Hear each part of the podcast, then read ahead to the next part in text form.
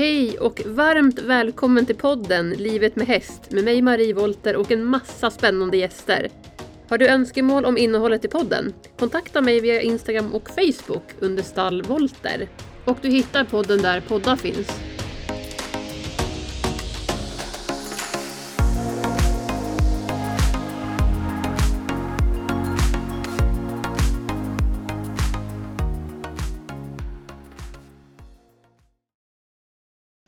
Hej Anneli! Varmt välkommen till podden! Hej Marie! Tack så jättemycket! Vad roligt att få vara med! Ja men jättekul att du vill vara med. Jag är jätteglad för det. Kul! Och jag tänkte att vi ska börja och presentera dig lite kort här. Du är ju då klassisk instruktör. Mm, precis. Du ska berätta mer om, om det, liksom vad, det, vad det är, vad det innebär. Det kan ju vara mycket olika saker. Så Ja. vi kan gå in på en gång och du ska få presentera dig, vem du är och Ehm, ja, lite om din bakgrund och så. Mm. Eh, jag har ju ridit sedan jag var 9-10 år någonstans, eller jag började väl lite ännu tidigare. Men på ridskola som många andra. Eh, och eh, jobbat med travhästar när jag var yngre och, och med hopphästar och tävlat själv. Köpte egen häst när jag var runt 20. Tävlat lite dressyr och hoppning och ja, lite sådär på lägre nivå. Och det här med klassisk ridning kom jag egentligen i kontakt med när jag köpte min häst Midway som nu är 27 år. Han var två när han kom till mig. Och eh, så vi har faktiskt precis firat 25-årsjubileum. Åh, grattis! Ja, tack. Jag har ju träffat din middag har jag ju fått göra. Han är jättefin. Precis. Ja. Mm. Ja, han, och han är faktiskt head instructor här. Ja. Han är, han är den som kan allt. Och han vet verkligen allt om hur det är att vara häst också. Men när jag fick honom in i min familj, då fick jag en hel del utmaningar för att Alltså det är klart att genom alla år tidigare så hade jag ridit alla möjliga olika typer av hästar. Eh, och vissa hade varit lättare och andra var tuffare än, än ja, alla är ju olika. Men Midde var väldigt speciell och jag kände jag skulle rida in honom eh, när han var tre. Eller börja att rida honom då. Och alltså det var ganska stora utmaningar för att han sprang på bakbenen och han bockade och han blev lite okontaktbar så att jag jag behövde hitta nya vägar. Mm.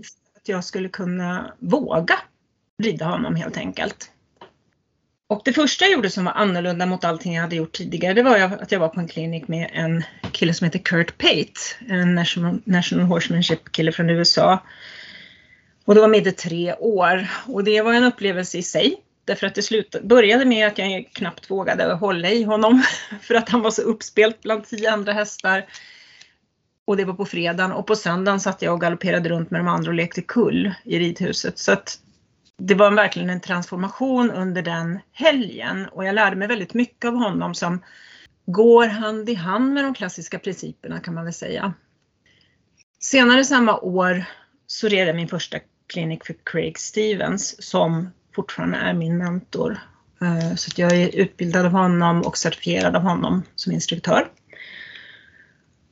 Och som eh, tränare, hästtränare då. Och um, det gav ytterligare en dimension för mig. Uh, han introducerade så otroligt lätta hjälper till mig. Han sa du, din häst är så himla ung och du ger honom redan för kraftiga hjälper. Mm. Och jag tyckte inte jag gjorde någonting. Nej. Jag kan relatera till det där. Exakt Mm. sa med min Ja. Ja, precis. Och det var så himla häftigt för jag hade egentligen inte tänkt att rida den där kliniken för jag tyckte det var för dyrt. Det var mycket pengar. Mm. Så att jag blev övertalad att rida i alla fall en lektion. Och en kvart in i den första lektionen så sa jag bara sign me up, jag är med hela helgen. Jag var helt hooked och eh, är det fortfarande. Mm. Vilket är ganska häftigt för det här är ju Ja, om Midde var tre så är det ju då 23 år sedan. Mm. Kan Och- du säga vad det var som gjorde att du, att du liksom fastnade så mycket för det just där och då? Liksom, vad var det som gjorde tror du att det var? allting som, allting som Craig sa var logiskt och utgick ifrån hästen, inte ifrån vad jag ville att hästen skulle göra. Mm. Utan från hästen, från hästens behov, från hästens förståelse för eller icke förståelse för vad jag bad honom om. Mm. Och där handlar det om hela kommunikationen mellan häst och ryttare eller jag säger egentligen inte bara klassisk ridning utan klassisk ridning och hästhantering därför att det börjar ju redan så fort man möter en häst. Precis. Egentligen när man hämtar hästen i hagen eller träffar den i hagen eller liksom beroende Ja. på vad. Ja men exakt. Och, och allting är egentligen samma sak. Det är bara Mm. det att man har olika vinkel. Antingen sitter man på ryggen eller så står man i olika vinklar i förhållande till hästen. Precis. Så att det är egentligen inte någon skillnad när man tänker utifrån de principerna som jag jobbar med Nej. i alla fall.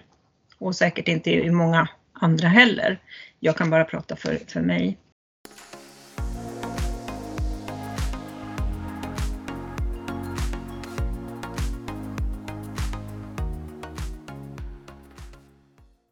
Men det skilde sig väldigt kraftigt ifrån allting som jag hade gjort tidigare. Eh, och sen var det också så här att jag hade min första häst Martell som blev 33 år. Han, vi hade också en väldigt lång relation, 28 år hängde vi ihop.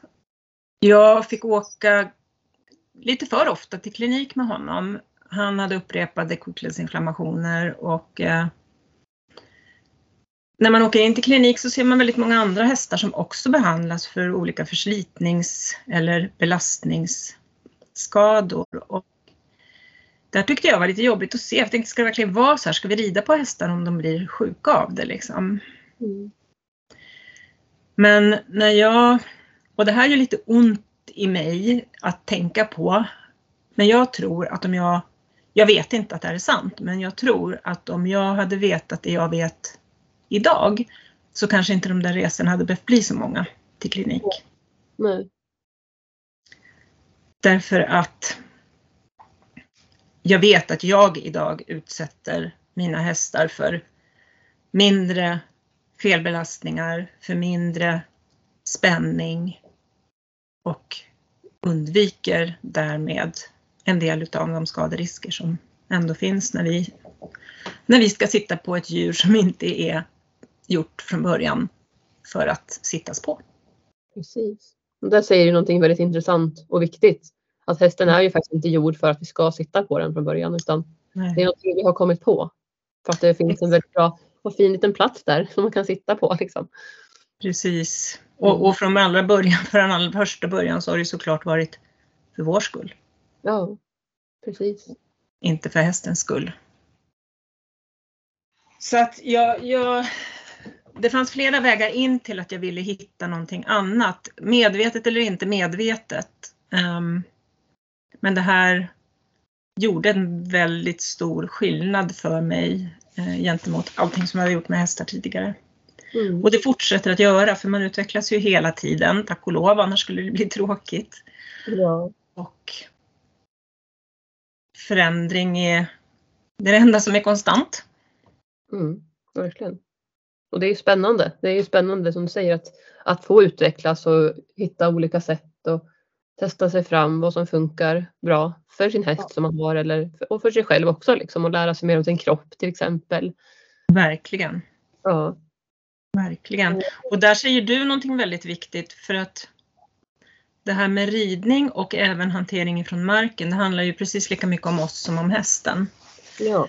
Um, jag har alltid tidigare trott att jag behöver lära hästen en massa saker. Nu har jag insett att det är väldigt mycket tvärtom. Precis. Jag behöver lära mig av hästen. Mm. Hästen har inget egenintresse i att utbilda mig, ja kanske. För att, fast den tänker inte så, Ja. tror jag. Eh, utan hästen, men hästen får en bättre situation om jag kan vara öppen för att lära mig av den. Precis. Och eh, där kommer vi lite granna in på den typen av ridning som jag, de, den, de hjälper som jag lär ut och som jag själv då förstås också använder, mm. de är lärda av hästen till människan. Inte tvärtom. Tidigare i mitt liv så har det alltid handlat om att jag ska lära hästen att fatta galopp till exempel. Ja, men jag kan inte tänka så längre därför att hästen kan fatta galopp. Den kan fatta galopp första dagen i livet. Mm. Så, så bra sagt verkligen. Det är så mm. sant. Och, och det jag behöver tillsammans med hästen konstruera, det är ju ett språk för att vi ska förstå varandra. När, när jag vill be hästen om att till exempel fatta galopp. Mm. Och eh, jag kan då tycka att det är ett väldigt smart sätt som jag har fått lära mig via Craig. Ehm, att faktiskt lära mig hur jag ber hästen att sätta sig, sin kropp i en position där den känner Oj, kroppen vill galoppera. Där den känner att det här är den positionen som den själv intar när den vill fatta galopp. Om jag kan lära mig hur jag kan kommunicera den positionen, be hästen om den positionen, så kan det egentligen inte gå fel med en liten parentes. För det är klart att det kan, allting kan mm. hända. Men, mm. men jag tycker att det, det klingar väldigt rätt för mig att jobba så. Mm, jag håller med. Men kan man säga då att det handlar om att hjälpa hästen att hitta sin naturliga, alltså hitta balansen? Är det det man kan tänka att när hästen hittar balansen så tänker den att ah, nu vill jag fatta galopp? Eller? Ja, det behöver inte bara vara balans i sig därför att positionen för kroppen är olika beroende på vad hästen vill göra. Om man vill fatta galopp så har den en position. Vill den göra en framdelsvändning har den en annan position och så vidare och så vidare. Om mm. hästen själv väljer det. Mm. Men, det. men balansen som du säger är jätteviktig. Så att den har absolut med det här att göra därför att häst och ryttare behöver vara självbärande. Ja. Och det är precis som när man dansar pardans, om man dansar bugg eller lindy hop eller vals eller vilken som helst av de klassiska danserna.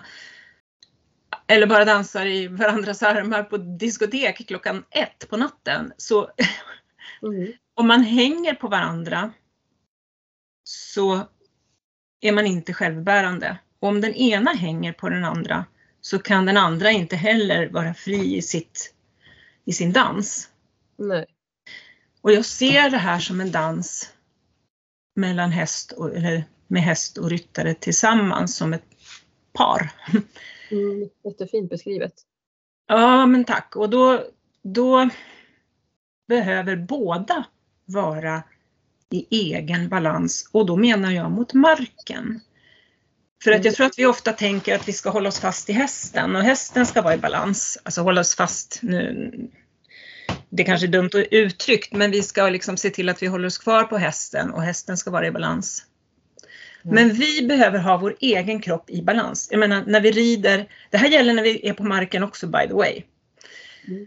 Men när vi rider så sitter vi uppe på hästen och vi når ju inte ner till marken. Vi kan inte stå på marken och tänka att vi har balans på det sättet. Men vi behöver känna att vår kropp är balanserad mot marken. Och det här är liksom tyngdlagen som avgör. Så att om vi sitter på hästen, vi kan låta hästen stå stilla, sitter på hästen och drar ut benen så att vi faktiskt bara sitter på våra sittben så ska vi inte tippa åt något håll. Gör vi det så är vi inte i balans. Nej. Och ofta så kanske vi tippar lite framåt eller tippar lite bakåt. Oftast framåt skulle jag gissa. Mm. Men, men om inte vi är i balans så kan vi inte heller förvänta oss att hästen ska vara i balans. Nej. Så himla sant. Mm. Och någonting att tänka på.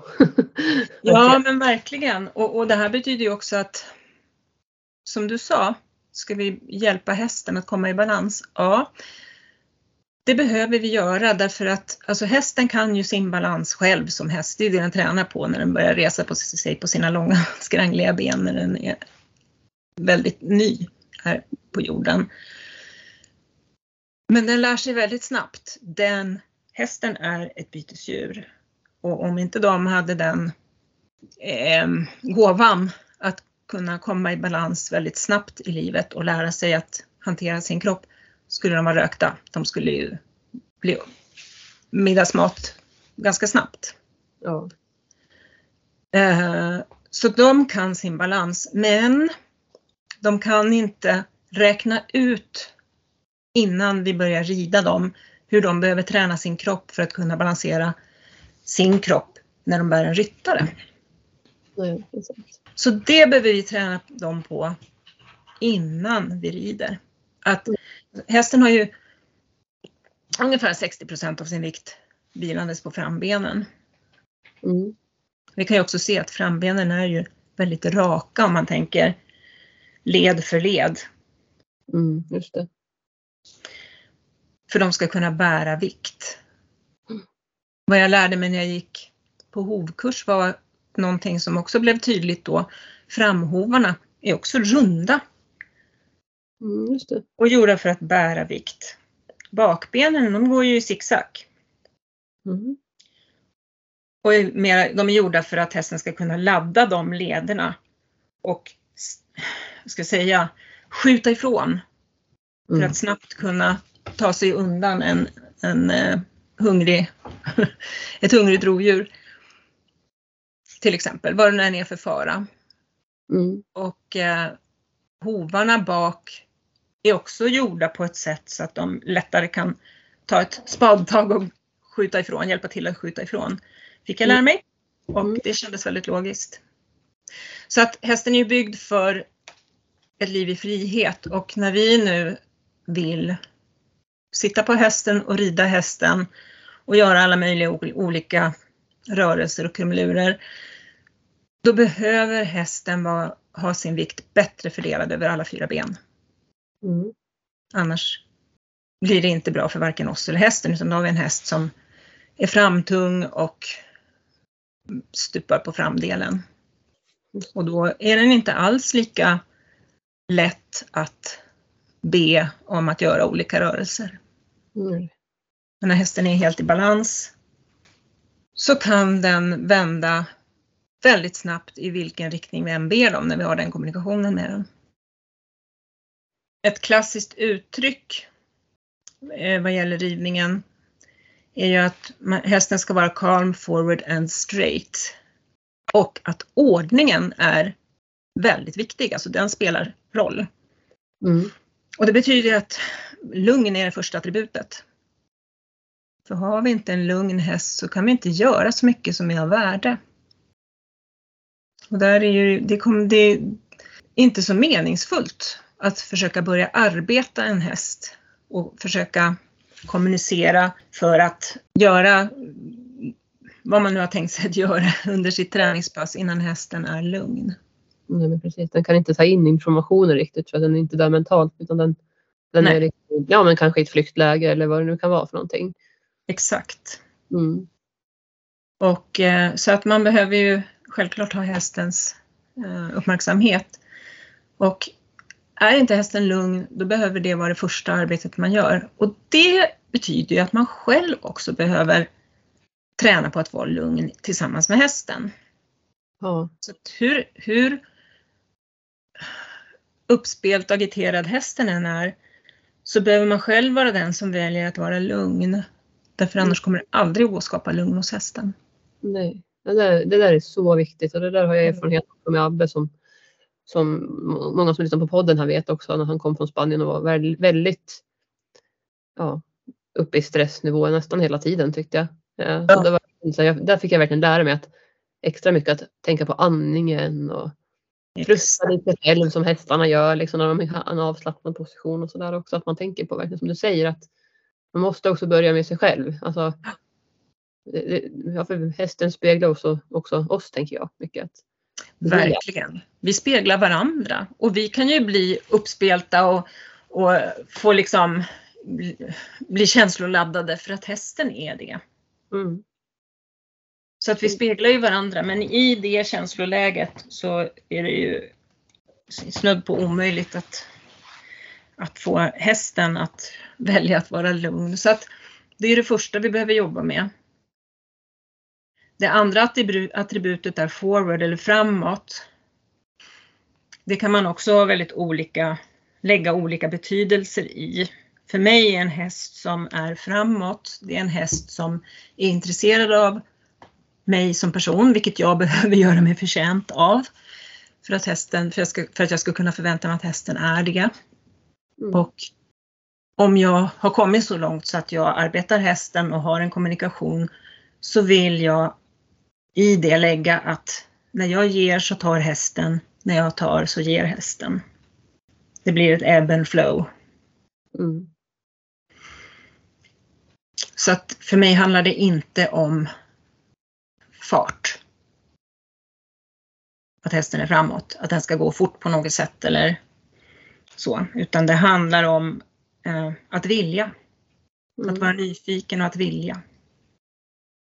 Just det. Och sen rak kommer ju sist av det här, av de här tre faktiskt. Mm. Där har du den raka, självbärga hästen. Om hästen är rak och självbärande, då kan du be om en rörelse i vilken riktning som helst utan att det eh, tar emot om du har en, en högt tränad häst. Just det. Mm. Det gör allting väldigt mycket lättare. Ja, det är liksom, allting faller ju på plats vartefter. Man, det är det, man kan inte tumma på en sak för att du följer det med liksom, så kommer man inte vidare riktigt. Om man att man fastnar så kan det ha att göra med att då kanske man har missat de här sakerna som du säger, de här, de här mm. olika stegen. Att man måste, ja, mm. ingenting kommer gratis. Liksom. Man måste ju börja från början och tänka vad behöver hästen, vad behöver jag lära mig nu? Liksom.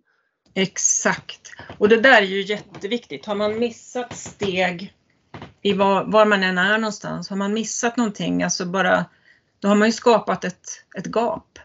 Mm. Och det går aldrig, det går att fortsätta och det går att forcera sig att komma framåt.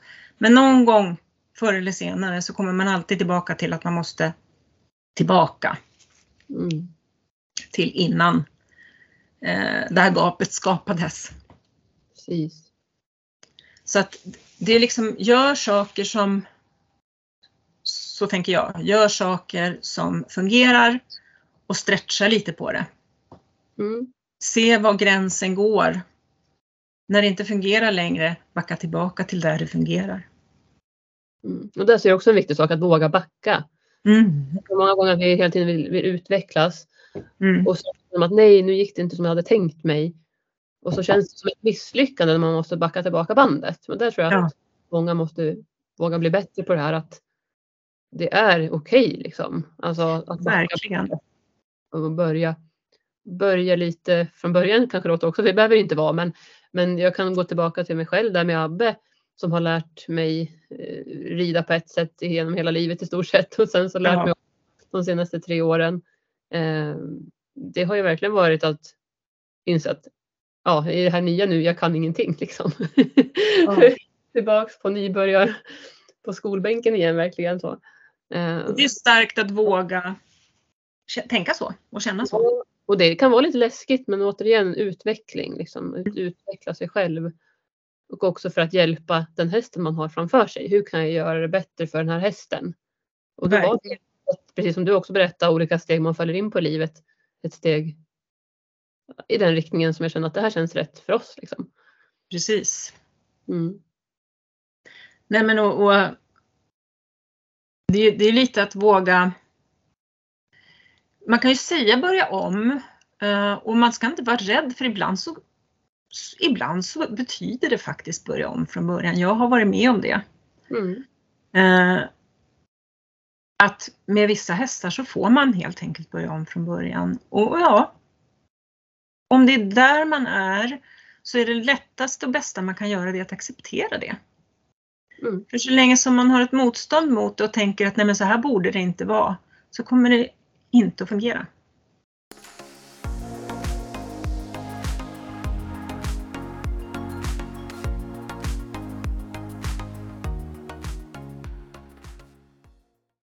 Jag har ju ridit för dig Anneli, vilket var väldigt spännande och jätteroligt och utvecklande och allt, på allt möjligt och man fick massa olika bra tips och verktyg. Och jag vet att Ja. du använder olika hjälper och sådär. Kan du berätta lite mer om de här hjälperna som du använder? Jag var inspirerad inspirerad ut. Absolut. Eh, och de hjälperna som jag använder är fyra, jag kallar dem för de fyra klassiska hjälperna. Det är egentligen tre av dem finns i den klassiska litteraturen och den fjärde är mer en beskrivning av som Craig Stevens har skapat fast hjälpen har ju funnits tidigare också. Men först och främst så skulle jag vilja säga då att jag använder handen som första hjälp, den primära hjälpen. Och det är i en, del människors öron så låter det som att oj, det blir ju hårt. För man ska ju inte lida med handen. Och jag förstår den tanken, men det hänger ju på vad man gör med handen. Ja. Det hänger ju på om handen är utbildad eller inte. Och jag brukar dra den parallellen att för, för man vill ju ha väldigt fina, lätta hjälper. Det tror jag att alla på ett eller annat sätt strävar efter. Och om jag då vill göra någonting som kräver väldigt mycket fin mekanik, fin motorik med min kropp, väljer jag då att göra det med sitsen, rumpan, eller med mina ben, eller med mina händer. Och jag väljer händerna och det tror jag att alla gör när man ställer den frågan. Mm. Och ska man pilla med någonting väldigt fint, stoppa en tråd genom ett nålsöga, så måste man vara väldigt lugn och fin i sina händer. Och det är samma sak när man rider. Man behöver vara väldigt lugn och fin i sina händer. Och man behöver ha lärt sig att slappna av, att sitta i balans och att följa hästen. Och jag var nog på väg in, ja, jag tror jag, jag nämnde det tidigare att de här hjälperna som jag använder, de är lärda från hästen till människan. Mm. Så egentligen handlar det om att vi följer hästen. Men när vi vill göra en förändring, till exempel ändra riktning eller be hästen göra en öppna eller en sluta eller någonting, så får vi intensifiera den hjälpen en aning. Men inte mer än det behövs. Och med lätt hjälp för mig när jag pratar tygel så vill jag att tygen ska kunna glida på bettringen. Den ska vara i kontakt med bettringen och kunna glida på bettringen. Det kan den inte om jag tar för hårt i tygen. Mm. Funkar det alltid? Lyckas man alltid med det? Nej, det gör man inte. Men om man har den intentionen så förstår man hur lätta hjälperna, hur, hur, hur lätt intentionen med hjälpen är. Mm. Eh, Så att handen är första hjälpen och det blir en låg logik för hästen med det. Därför att när vi är på marken och arbetar hästen på marken eller när vi börjar leda fölungen i grimma, då har vi bara händerna. Då Mm. har vi inget problem med att det är handen som är första hjälpen. Så jag, jag tror att ur mitt perspektiv så är den åsikten, synpunkten som många har och som jag också har haft. Att man ska inte rida med handen. Den bygger på någon idé som människan har haft någon gång om, om vad gör handen när man sitter på ryggen Mm. på hästen. När man leder hästen och är på marken, när man jobbar hästen från marken så använder man ju hela tiden händerna. För man kan inte använda varken sitsen eller benen, skänklarna. De har också en inverkan och man kan välja vilken som helst. Men tänk också så här att sitter vi på hästen och så använder vi, om vi utgår ifrån att vi är avspända och följsamma i vår egen kropp. Och så använder vi sitsen. Och förflyttar vår kropp lite grann på olika sätt. Så följer ju handen med. Mm. Och det blir lite samma sak. Frågan är bara var vi fokuserar. Mm. Så jag kan använda min hand genom att använda sitsen. Men jag är medveten om att det fortfarande är handen som kommunicerar med bettet. Som sitter i hästens mun, som kommunicerar med hästens skelett.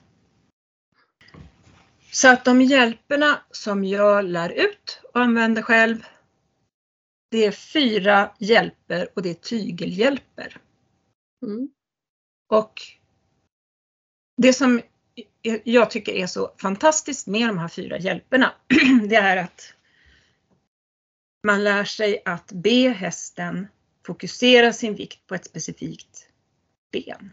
Och det behöver inte vara på bara det benet utan det kan vara så småningom så kan man lära sig att be hästen fokusera på insida utsida av hoven till exempel.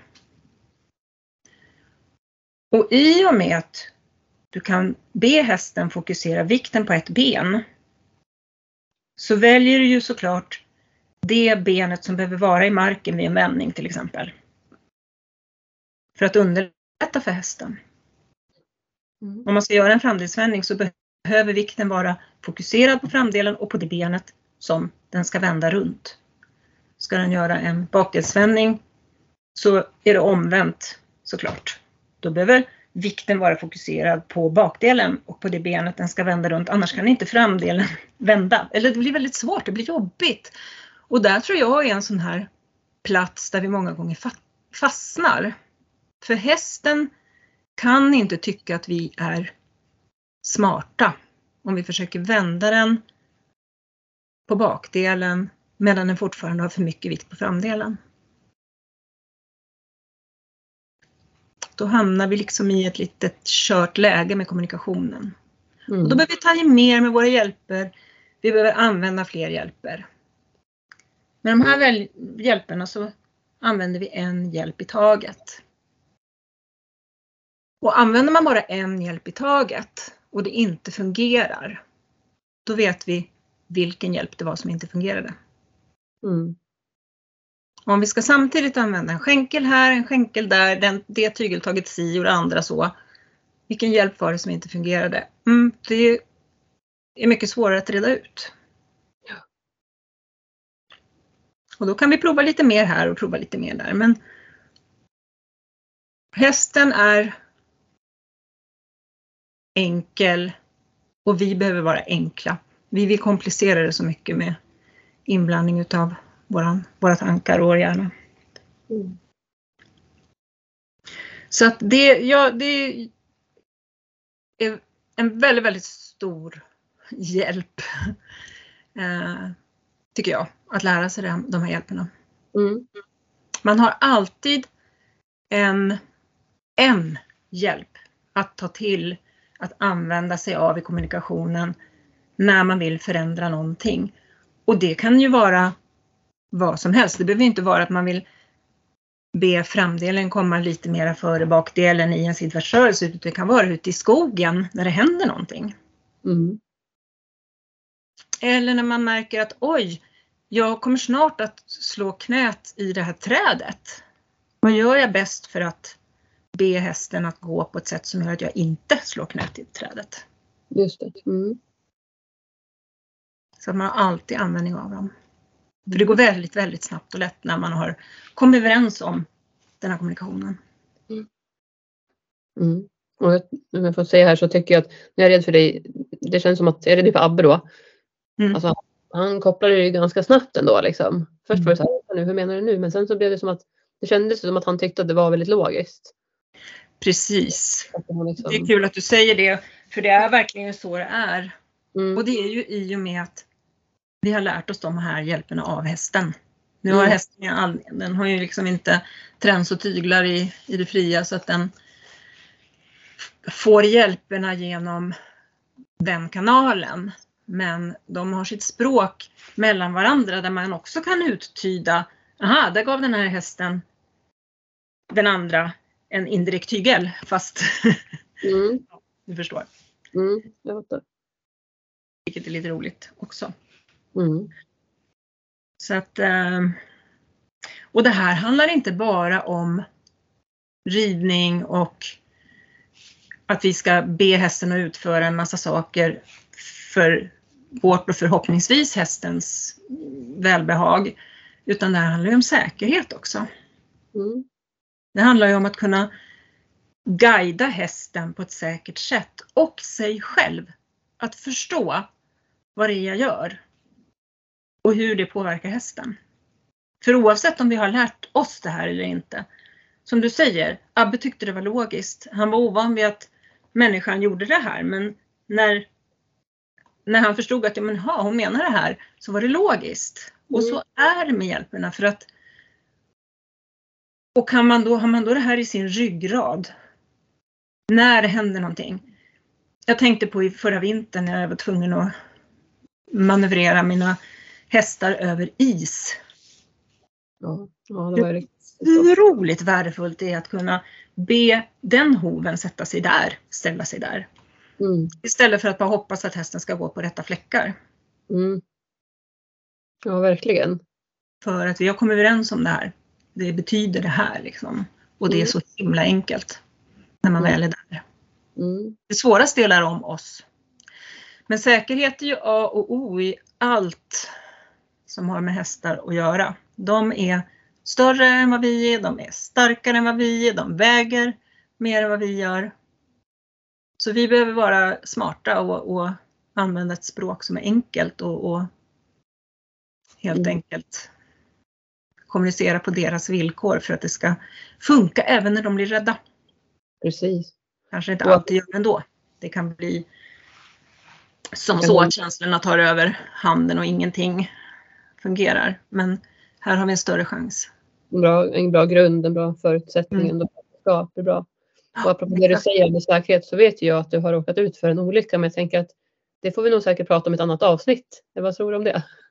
Ja, det, ja, det kan vi absolut göra. För att det är också någonting som jag lärde mig väldigt mycket av och som jag gärna kommunicerar ut till andra om också för att Mm. Det är mycket man inte tänker på, särskilt när man rör sig kring sina egna hästar. Mm, de tror att nej, men det händer inte mig för min häst är så himla lugn eller vad det nu kan vara. Det blir det här vardags, det vardagliga liksom. Ja, att, vi, får, vi får ta ett annat avsnitt. Det ser jag jättemycket Ja. fram emot att höra dig berätta mer om sen. absolut. Det ska vi göra. Det Ja. gör jag gärna.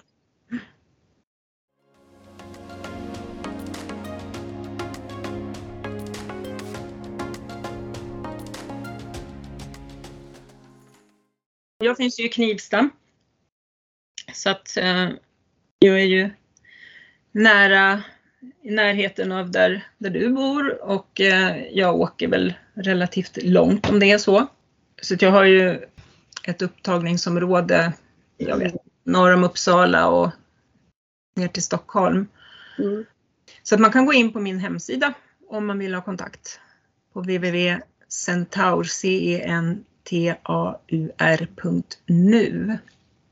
Och där finns det ju då ett kontaktformulär. Man kan läsa ganska mycket om mitt tankesätt och det finns ett eh, kontaktformulär. Man kan komma i kontakt med mig om man vill. Mm, jättebra. Så att jag åker i första hand ut och håller lektioner för ryttare med egna hästar eller arbete från marken med egen häst. Eller kombinationer därav är det ofta. Jag har ju hästar hemma som, jag har ingen häst just nu som jag kan ge ridlektioner på men däremot så kan jag göra inhandlektioner och lite demonstrationer utav hjälpen och så vidare hemma hos mig i Kniv, utanför Knivsta. Mm. Och det var så vi började ju. Jag var ju hem till dig då och, fick, och du visade de här hjälp, olika hjälperna eh, Just det. på marken. Precis. Det var väldigt, väldigt nyttigt och, och också få se hur det funkar. Ja, och det är ju, det är ju lättare att demonstrera det. det är ju, även om de flesta hästar, eller jag skulle vilja säga alla hästar, de nappar på det här väldigt snabbt. Men det är lite olika mellan de olika hjälperna. Mm. Eh, Jag kan som ett litet exempel bara säga att direkttyg, den först, allra första, den allra lättaste hjälpen för hästen är när man ber hästen fokusera sin vikt på det frambenet som är närmast där man står. På den sida där man står. Den kan alla hästar omgående. De vet precis vad man menar. Och jag tänker på alla gånger som jag har försökt att sitta upp på en häst barbacka. och ställt mig på en sten eller på en pall eller någonting, ett staket eller någonting. Och så vill jag att hästen ska komma lite närmare. Då gör jag exakt den här hjälpen, tar tygen emot mig, ber hästen fokusera vikten på sitt, det här närmaste frambenet. Det som den hjälpen gör är att hästen svänger ut bakdelen. Mm. Känner du igen Ja. vad som händer när man vill att hästen ska komma lite närmare? ja. Och så tänker man, varför gör du så där? Jag vill att du ska komma närmare. Den gör precis det man ber om. Mm. Men så oavsett det så, så är det alltid lättare för mig att visa, demonstrera hjälperna och att någon får känna på dem. Om man är ovan vid dem så är det lättare med en häst som är van vid de här hjälperna än en häst som måste tänka oj, vad händer nu? Precis. Så det är en, en, bra, en bra väg att börja. Mm. Jättebra. Jag har ju också online-lektioner. eh, Där man kan filma när man jobbar med sin häst själv. Antingen kan man filma när man jobbar med sin häst själv och så kan vi titta igenom, gå igenom de här filmerna under lektionen. Eller också så kan man ju också rida online. Det är, då måste man ha lite mer teknik. Mm. Men det går ju. Ja, det är absolut möjligt. Och jag åker även ut och håller clinics. Det är inte så ofta jag kan göra det eftersom jag har hästar hemma själv. Men jag gör det även i andra delar av landet. Då behöver man vara ganska många för att det ska gå ihop. Men det Mm. finns den möjligheten. Det var spännande, vad roligt. Mm. Är det någonting annat som du vill säga Anneli? Jag skulle kunna prata om det här i hela dagen. Det har jag inga som helst problem med för att det finns alltid nya infallsvinklar att komma med och så. Ja. Men det ska vi inte göra. Eh, utan jag skulle nog bara vilja tacka så jättemycket för att jag fick vara med här. Jag tycker det är jätteroligt och eh, jag tycker också själv att jag har ett budskap som jag gärna vill dela med mig av och sprida. Så att det här är ett väldigt bra sätt att kunna få göra det. Eller hur? Jag är så glad att du har velat vara med här och berättat om, om dig och ditt tankesätt och, som du har liksom ägnat dig åt under många års tid. För du har verkligen jättemycket erfarenhet och har ju lärt dig av ett proffs också så det är jättespännande och roligt. Mm. Ja. Och, ja, tusen tack Anneli för att du har varit med och tusen tack alla lyssnare som har lyssnat på avsnittet. Och det går Ja, jättebra att, skicka frågor till både mig här och eh, Anneli. Om du har funderingar kring avsnittet det Anneli har berättat om. Eller om man har frågor eller vill komma i kontakt på något sätt så går det jättebra att kontakta Anneli precis det hon berättade här. Då. Absolut. Och så kommer vi med ett uppföljande avsnitt här framöver. Eh, Ja, kul. Annat spännande. Spännande saker. Ja, Viktigt att tänka på. det gör vi. Tack så mycket för idag. Tack så mycket. Hej då! Hej då.